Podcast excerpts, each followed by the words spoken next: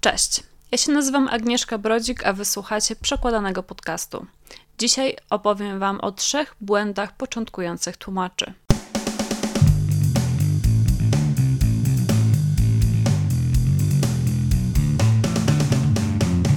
Przede wszystkim na samym początku chciałam zauważyć, że moim celem dzisiaj nie jest stworzenie jakiejś długiej i wyczerpującej listy takich błędów. Chciałam raczej zasygnalizować takie trzy sytuacje, które wydają mi się dosyć istotne dla ludzi, którzy chcą w przyszłości pracować w tym zawodzie albo może chcą polepszyć swój warsztat tłumaczeniowy.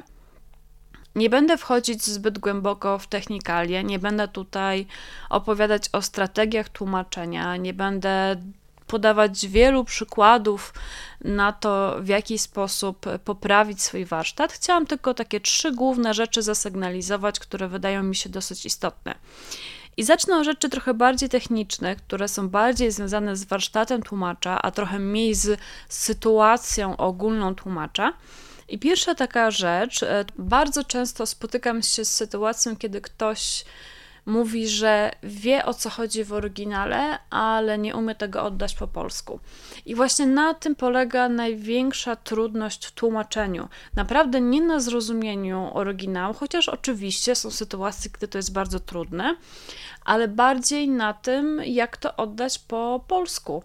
Dlatego wydaje mi się, że bardziej istotne jest e, czytanie po polsku, żeby powiększać e, swoje słownictwo, żeby nauczyć się wysławiać w bardziej precyzyjny sposób, żeby wiedzieć, e, jakie są prawidłowe kolokacje w, albo związki frazeologiczne, żeby wiedzieć, na czym polegają e, częste błędy e, stylistyczne i tak dalej. Chodzi o to, żeby powiększać swoje kompetencje w używaniu języka polskiego, dlatego że w momencie, kiedy siadacie do tekstu, który macie przetłumaczyć, E, to owszem, wasze kompetencje językowe w języku e, oryginału, czyli w moim przypadku angielskim, mm, są istotne i wiadomo, że to jest tak jakby podstawa tego waszego warsztatu, że bez znajomości tego języka nie po prostu nie ruszycie, tak? Wiadomo, ale to jest tak jakby podstawa, której rozwijanie niekoniecznie będzie przekładać się wprost na rozwijanie waszego warsztatu tłumaczeniowego. To znaczy, że jest pewien poziom znajomości języka angielskiego, języka źródłowego, który musicie posiąść, żeby zacząć w ogóle pracować nad swoim warsztatem tłumaczeniowym, żeby w ogóle móc cokolwiek przetłumaczyć. Natomiast jeżeli chcecie wznieść się ponad ten poziom, to musicie pracować nad swoim językiem polskim, to musicie wiedzieć, jak ładnie się wypowiadać, e, jak sprawdzić różne rzeczy w słowniku. E, musicie wiedzieć, co to jest kolokacja, dlaczego to jest ważne. I też nie tylko wiedzieć, ale umieć to na bieżąco stosować. To znaczy, że żeby to nie była taka bierna wiedza, że wy wiecie, że kolokacje są ważne, że związek frazeologiczny musi być zapisany w odpowiedniej formie, a nie mniej więcej e, tak, jak wam się wydaje, że jest. Tylko żebyście umieli to na bieżąco e, korygować, żebyście nie popełniali zbyt wielu błędów, żebyście wiedzieli, na czym polegają różne błędy stylistyczne, dlatego że że tylko w ten sposób stworzycie tekst, który będzie w języku docelowym po prostu dobry, a na tym polega wasza praca. Nie na tym, żebyście doskonale zrozumieli oryginał, tylko żebyście potrafili zrobić jego, e, jego kopię, mniej lub bardziej wierną, w języku docelowym. Zwyczajnie, jeżeli będziecie popełniali zbyt wiele błędów w języku polskim, to będziecie kiepskimi tłumaczami i to, jak bardzo dobrze znacie język angielski, język źródłowy, nie będzie miało większego znaczenia. A w jaki sposób e, polepszać swoją wiedzę o języku polskim? Przede wszystkim czytając dobrą literaturę w, w tym języku. Wiadomo, że, że osobną kwestią jest znajomość terminologii I oczywiście, żeby poznać terminologię dotyczącą jakiegoś zagadnienia, powinniście przeczytać książkę czy tam dowolnej długości tekst traktujący o tym zagadnieniu. Ważne jest też na przykład, żeby rozumieć jakieś zagadnienie, tak? Ale to powiedzmy już są takie specyficzne e, przykłady. Ja mówię o czymś bardziej ogólnym, o znajomości ogólnie języka. To jest bardzo istotne, szczególnie przy tłumaczeniu literatury ale też y, przy publicystyce. Nawet moja znajoma, która robi tłumaczenia takie typowo korporacyjne dla, e, dla Nike, dla Google'a, dla takich dużych, dużych korporacji, ona sama mówi, że czasami brakuje jej e, jakichś słów po polsku, że musi się długo zastanawiać, bo zbyt dużo czasu poświęca na czytanie po angielsku. Ona, ona ogólnie ona ogólnie zbyt dużo czasu poświęca na język angielski, dlatego że też prywatnie po godzinach pracy dużo czyta po angielsku literatury, a nie po polsku. I jej właśnie też radziłam, że jeżeli chce lepiej, lepiej mówić po polsku, lepiej pisać po polsku, a przyznawała, że, że miała, z tym, miała z tym problemy i czasami sprawiało jej kłopot zapisanie czegoś ładnie po polsku, to właśnie jej powiedziałam, że powinna co jakiś czas zmusić się do przeczytania czegoś, co będzie, w, jeśli nie, e, nie literaturą piękną, e, która już będzie miała taki bardzo bogaty język, e, język polski, to przynajmniej coś z popkultury, ale z takiej wyższej półki i najlepiej nie tłumaczenie. Dlatego, że w tłumaczeniu, zwłaszcza jeżeli to są niezbyt dobre tłumaczenia, pozostaje bardzo dużo kalk z języka angielskiego. I z jednej strony tłumacze zawsze w pewien sposób kopiują mm, różne struktury z języka oryginal, z języka źródłowego do języka docelowego, a jeżeli jeszcze dodatkowo czytają tłumaczenia zamiast teksty, które powstały oryginalnie w języku polskim, e, to to się u nich po prostu umacnia. Dlatego tłumaczom, którzy chcieliby rozwijać swój warsztat, przede wszystkim radzę czytać w języku polskim i nie tłumaczenia. Chyba, że bardzo dobre tłumaczenia, ale zawsze istnieje ryzyko, że jednak jakieś kalki tam zostaną, że że jednak to nie będzie idealne rozwiązanie. Natomiast literatura, mówię, niekoniecznie musi być to literatura piękna, aczkolwiek polecam. Natomiast zdecydowanie z wyższej półki i pisana po polsku. Gdybym miała to tak krótko w ogóle streścić ten istotę tego punktu, to powiedziałabym, że oprócz takich typowo tłumaczeniowych strategii, tłumaczeniowych e, kompetencji, musicie też rozwinąć w sobie do pewnego stopnia, a najlepiej wysokiego stopnia, kompetencje redaktorskie. To znaczy, musicie być w stanie dostrzegać dużo, jak najwięcej błędów e, w tekście polskim. Niekoniecznie błędów tłumaczeniowych, ale błędów stylistycznych, kolokacji, tu jakieś powtórzenia, na to też trzeba umieć się uwrażliwić i tak dalej, i tak dalej. Wielu czytelników, ludzi, którzy naprawdę bardzo dużo czytają, nie dostrzega tych błędów, a to niestety jest bardzo istotne dla tłumacza. I z tym wszystkim łączy się też drugi częsty błąd początkujących tłumaczy, czyli zbyt duże przywiązanie do oryginału.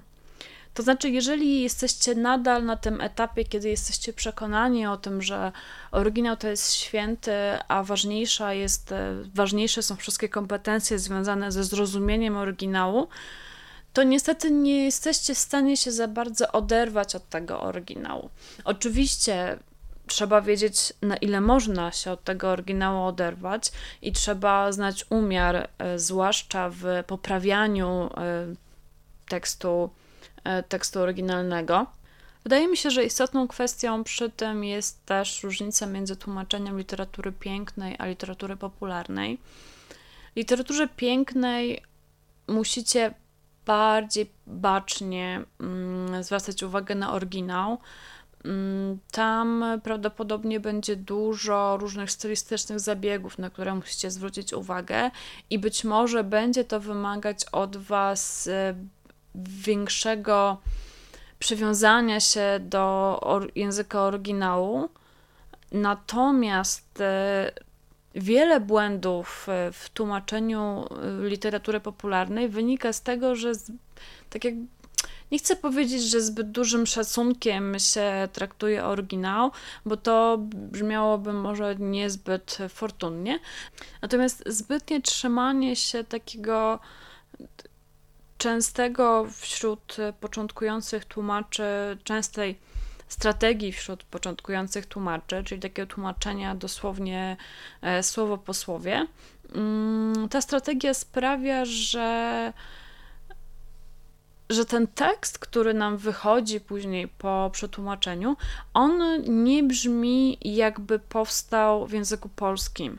A to jest istotne, żeby czytelnik, który czyta taką książkę, żeby on miał wrażenie, że ona została napisana po polsku. Oczywiście są sytuacje, kiedy nie da się tego wrażenia zachować, e, kiedy trzeba złamać to wrażenie, czasami jest to wręcz potrzebne, e, czasami Mm, czasami oczywiście trzeba zachować raczej sens e, niż trzymać się tej strategii, żeby, żeby była ta iluzja, że tekst powstał w języku polskim.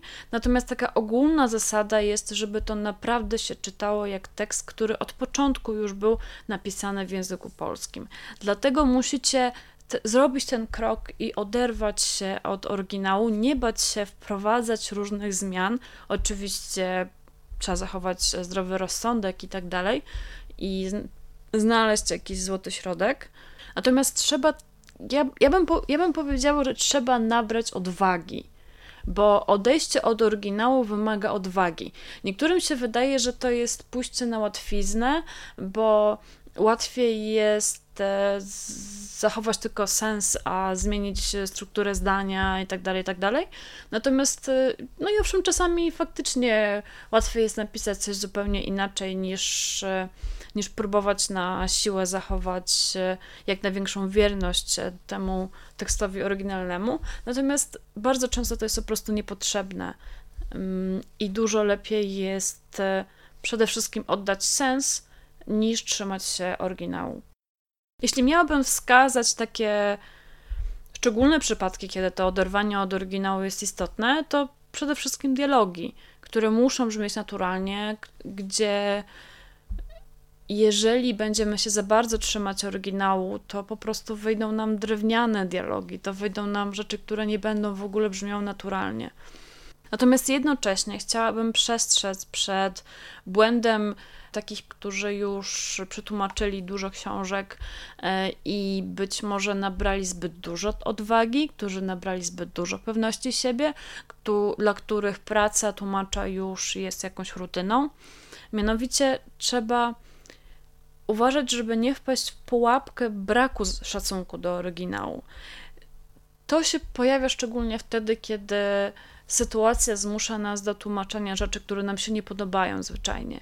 Ja niestety jestem takim tłumaczem, który często tłumaczy rzeczy, które no, mniej lub bardziej, wiadomo, e, mi się nie podobają, których ja osobiście bym nie chciała czytać, w których widzę dużo błędów. E, ale niestety taki mamy teraz rynek, że bardzo dużo książek e, ukazuje się, które po prostu no, nie są zbyt ambitną literaturą i jeżeli utkniecie na jakiś czas w takich książkach, to musicie pamiętać o tym, że że nieważne, co myślicie o tej książce, to musicie wykonywać swoją pracę rzetelnie. I, I nie możecie sobie pozwolić na to, żeby zbyt dużo zmieniać, żeby coś skracać, żeby coś pomijać. Musicie zachować styl. Oczywiście osobną kwestią jest to, że wielu wydawców i też ogólnie czytelnicy wymagają tak jakby od od tłumacza, żeby trochę poprawiał e, ten oryginał. E, niemniej, nawet przy tej zasadzie, że trochę zawsze poprawiacie, to musicie zachować tak jakby ducha tego oryginału.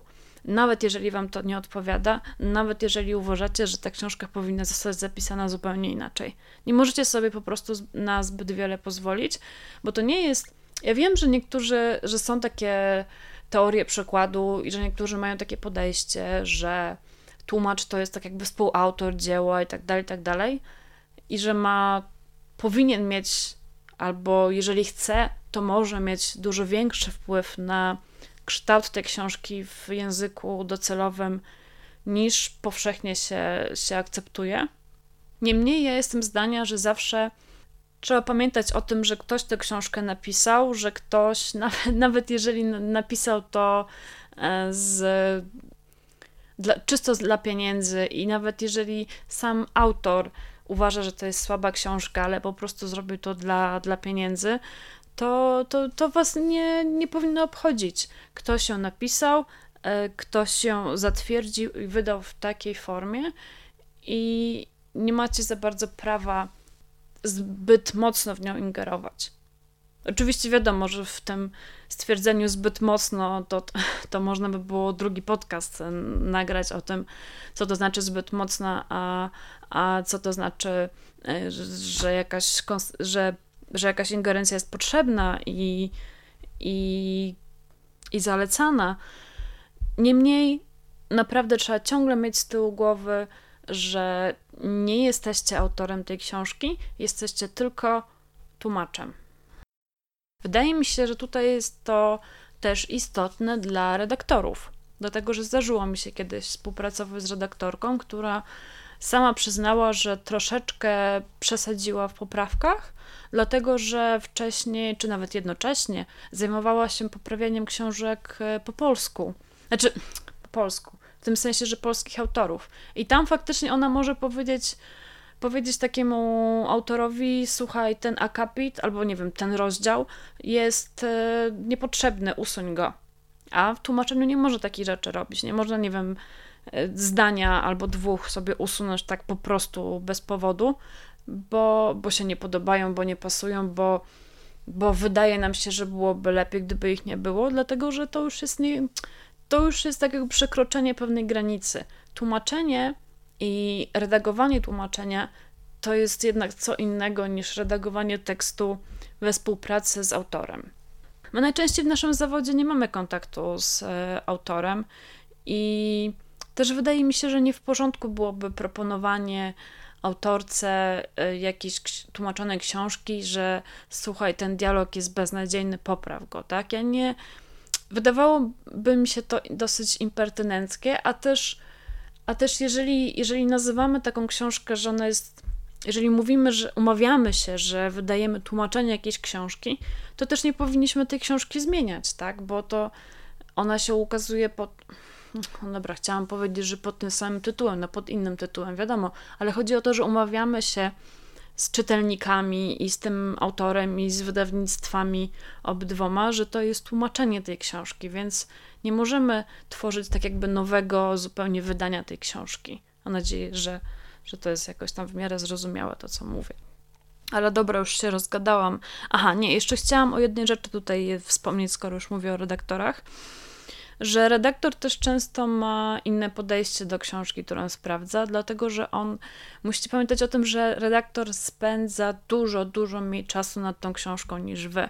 E, wy nawet nad tą książką, która wam się nie podoba, która wam się wydaje, nie wiem, jakaś prostacka, czy, czy, czy zbyt banalna i tak dalej, spędzicie z nią bardzo dużo czasu i znacie ją od podszewki.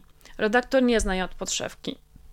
Nawet jeżeli wiadomo, że redaktor przeczyta tę książkę dużo, dużo uważniej niż normalny czytelnik, to on nie ma z nią takiego związku, chciałabym to tak górnolotnie powiedzieć, takiego intymnego związku jak, e, jak wy, jak tłumacze. Mm, I musicie to też wziąć pod uwagę. I w pewnych momentach być może będziecie musieli bronić tej książki. To znaczy bronić jej oryginalnego charakteru, dlatego że redaktorzy wydaje mi się, że łatwiej im przychodzi wprowadzanie zmian. Może to też wynikać z tego, że są przyzwyczajeni do poprawiania książek polskich autorów. Ale dobrze, przejdźmy już do tego trzeciego, ostatniego błędu początkujących tłumaczy. I tutaj chciałam poruszyć temat, który w ogóle jest poruszany, mam wrażenie, w wielu branżach, czyli tłumaczenie do portfolio, robienie jakiejś pracy do portfolio. Tutaj oczywiście e, cudzysłów. Chciałabym na samym początku podkreślić, że tłumaczenie do szuflady jest bardzo spoko.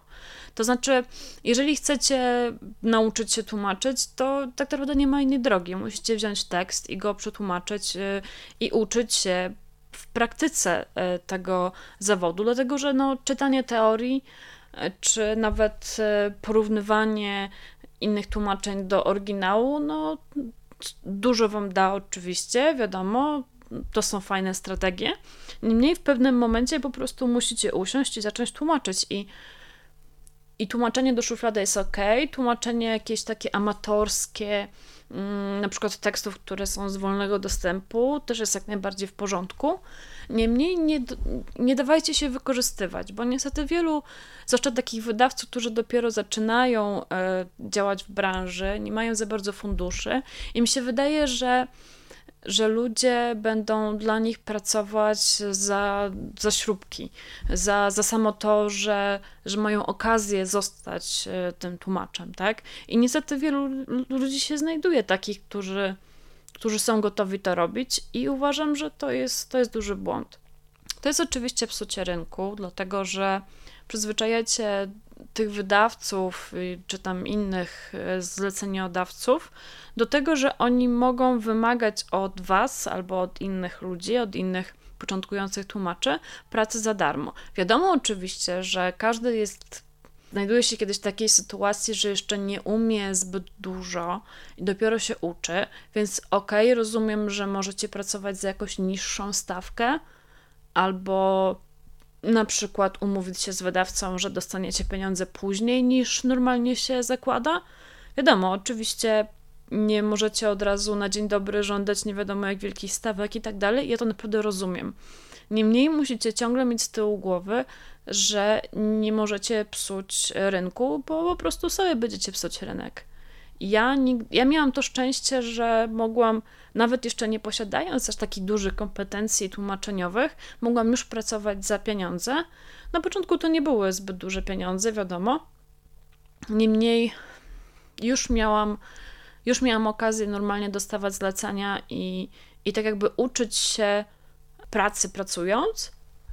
I rozumiem, że nie każdy może ma to szczęście ale musicie po prostu się szanować.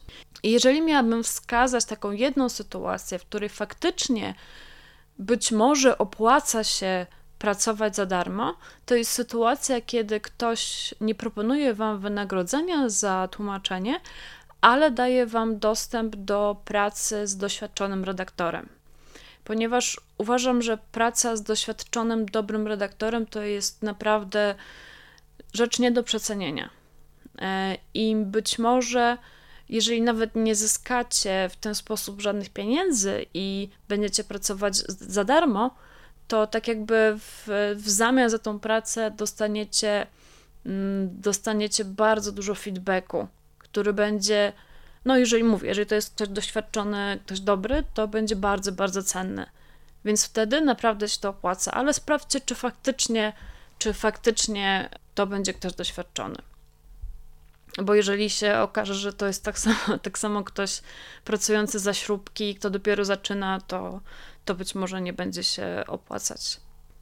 Lepiej przetłumaczyć coś dla siebie do szuflady, coś, co chcecie przetłumaczyć, coś, co możecie w ogóle porzucić w połowie, jeżeli się okaże, że jest dla was za trudne, albo jeżeli was znudzi i tak dalej. No macie tę wolność, tak? Bierzecie jakiś, jakiś tekst, który sami sobie wybieracie nie dostaniecie feedbacku, co jest słabe, ok, ale przynajmniej nikt nie będzie zarabiał na, na waszej pracy. Musicie zdawać sobie sprawę z tego, że jeżeli ktoś wam mówi, że okej, okay, za, tę, za tę książkę, za te kilka opowiadań nie zapłacimy, ale e, sprawdzisz się i, i może za następne zlecenie już, e, już będzie normalna stawka.